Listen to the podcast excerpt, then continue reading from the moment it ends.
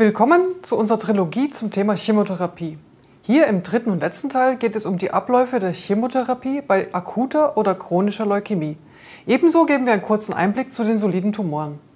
Wir werden einige wichtige Fachbegriffe erklären wie Remission, Rezidiv und Resistenzen.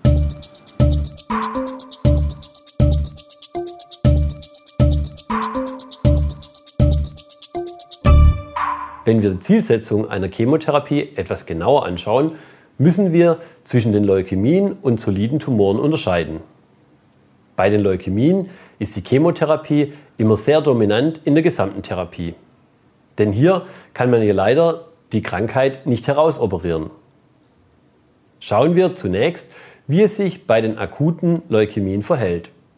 Wer an einer akuten lymphatischen Leukämie, auch ALL genannt, oder an einer akuten myeloischen Leukämie, auch AML genannt, erkrankt ist, tut gut daran, sich für die Therapie an ein Comprehensive Cancer Center oder ein zertifiziertes onkologisches Zentrum zu wenden. Die Therapie akuter Leukämien erfolgt in mehreren Phasen. Nach einem kurzen Überblick gehen wir im Detail auf die einzelnen Therapiephasen genauer an und auf die Bedeutung. Gestartet wird mit der Induktionstherapie. Dann folgt die Konsolidierungstherapie und im Fall einer ALL eventuell noch eine Erhaltungstherapie. Aber jetzt dies alles im Detail. Die erste Chemotherapie, auch Induktionstherapie genannt, ist sehr intensiv. Induktion steht hier für in Gang setzen oder eben auch Ersttherapie. Sie besteht aus mehreren Zyklen, die sich über ein paar Wochen erstrecken. Sie hat das Ziel der kompletten Remission, damit ist gemeint, dass die entarteten Blutzellen so effizient zerstört werden, dass die Blutwerte wieder im Normbereich sind und die akute Leukämie nicht mehr nachweisbar ist. Diesen Zustand nennen wir Remission. Die Induktionstherapie ist deswegen so intensiv, da man den entarteten Zellen keine Zeit geben möchte, Resistenzen gegen die Zytostatika zu entwickeln. Daher wird man während dieser Therapie einige Zeit stationär im Krankenhaus bleiben. Es klingt natürlich sehr gut, sagen zu können, dass die akute Leukämie nach der Induktionstherapie nicht mehr messbar ist. Aber viele Jahre der Erfahrung haben gezeigt, dass man hier nicht aufhören darf, weil sonst das Risiko einer Rückkehr der Krankheit viel zu hoch ist. Dieses Wiederauftreten der Erkrankung wird auch Rezidiv genannt. Wir merken uns, Remission wollen wir haben, Rezidiv nicht. Daher folgt als nächstes die Konsolidierungstherapie, die meist circa ein halbes Jahr dauert.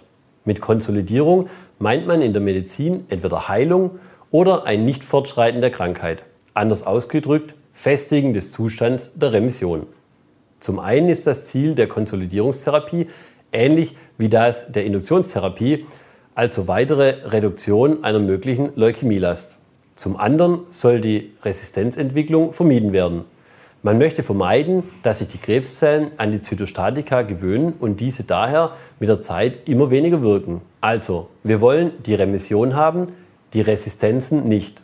Und das aus den Resistenzen resultierende Rezidiv auch nicht. Daher wird während der Konsolidierungstherapie mehrere Zyklen von einer Kombination von Zytostatika gegeben, die bisher in der Induktionstherapie noch nicht eingesetzt worden sind. Mit diesem Trick will man die Resistenzen vermeiden. Eine weitere Variante der Therapie nach Erreichen der Remission nach der Induktionstherapie oder erst im Verlauf der Konsolidierungstherapie ist die allogene Stammzelltransplantation. Unter allogenen Stammzellen versteht man solche Stammzellen, die von einem verwandten oder nicht verwandten Spender stammen. Das Ziel der allogenen Stammzelltransplantation ist die endgültige Heilung der Leukämie. Da diese Therapie sehr aufwendig und komplex ist, haben wir dazu einen eigenen Film gedreht. Das Ziel der Erhaltungstherapie bei der ALL ist auch, die letzte Leukämiezelle abzutöten und Remission dauerhaft zu erreichen. Die Therapie ist so gestaltet, dass die Lebensqualität klar im Fokus steht. Normalerweise können Sie während der Erhaltungstherapie weitgehend Ihrem gewohnten Leben nachgehen. Eine Erhaltungstherapie über mehrere Jahre wird bei der AML heute nicht mehr durchgeführt.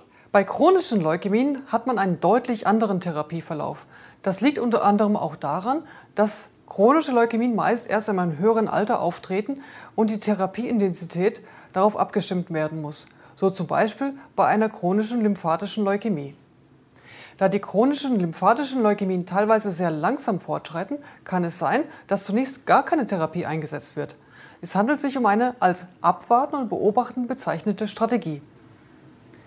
Ist das Blutbild aber schon stark verändert, werden auch hier Zytostatika und neuerdings auch chemotherapiefreie Protokolle eingesetzt, mit dem Ziel, die entarteten Blutzellen zu eliminieren. Das trifft sowohl für die chronische lymphatische als für die chronische myologische Leukämie zu. Diese Medikamente haben einen ganz anderen Wirkmechanismus. Sie wirken teilweise ganz gezielt gegen die Blutkrebszellen, was den Vorteil von geringen Nebenwirkungen hat.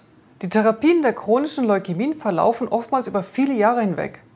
Ziel ist es aber auch hier, bei einer stabilen Remission die Therapie zu beenden. Die Therapien sind meist gut verträglich und können teilweise in der Form von Tabletten genommen werden, was die Lebensqualität natürlich deutlich erhöht. Bei jungen und fitten Menschen kann bei einer chronischen biologischen Leukämie eine Stammzelltransplantation in Frage kommen, um bei schweren Verläufen eine Heilung zu erreichen. Bei soliden Tumoren soll die Chemotherapie den Tumor verkleinern und möglichst zum Verschwinden bringen. Krebszellen, begonnen haben, sich im Körper zu verteilen und an fernen Stellen anzusiedeln, sollen ebenfalls abgetötet werden. Manchmal beginnt die Therapie damit, dass der Tumor als erstes herausoperiert wird. Dann wird im Anschluss eine sogenannte adjuvante Chemotherapie eingesetzt. Adjuvant heißt so viel wie unterstützend. Diese hat zum Ziel, noch die letzten unsichtbaren Krebszellen zu zerstören. In anderen Fällen würde man gerne operieren, aber das geht zunächst nicht. Zum Beispiel, weil der Tumor zu groß ist und vielleicht dadurch zu nah an irgendwelchen Nervenbahnen, Arterien oder sonstigen wichtigen Teilen sitzt. Oder um die Operationswunde zu minimieren. Dann wird gerne eine sogenannte neoadjuvante Chemotherapie eingesetzt. Diese soll helfen, den Tumor zu verkleinern. Manchmal wird als weiteres Therapieelement auch noch eine Bestrahlung eingesetzt. Wie genau diese wirkt, wollen wir in einer anderen Folge erklären. Die beiden Therapien Adjuvant und Neoadjuvant sind zu den kurativen, also heilenden dazuzurechnen. Diese Übersicht soll Ihnen nur einige Zusammenhänge erklären und einen groben Überblick geben. Wie Ihre Chemotherapie ganz konkret abläuft, das sollten Sie mit Ihrem Arzt besprechen. Lassen Sie sich alles erklären und fragen Sie nach, wenn Sie etwas nicht verstanden haben. Und vor allem verlieren Sie nicht gleich den Mut, wenn nicht alles sofort optimal läuft. In der modernen Onkologie gibt es immer noch eine Option B oder eine Option C und so weiter. Damit ist unsere Trilogie zum Thema Chemotherapie beendet. Vielen Dank fürs Zuschauen und bis zum nächsten Mal.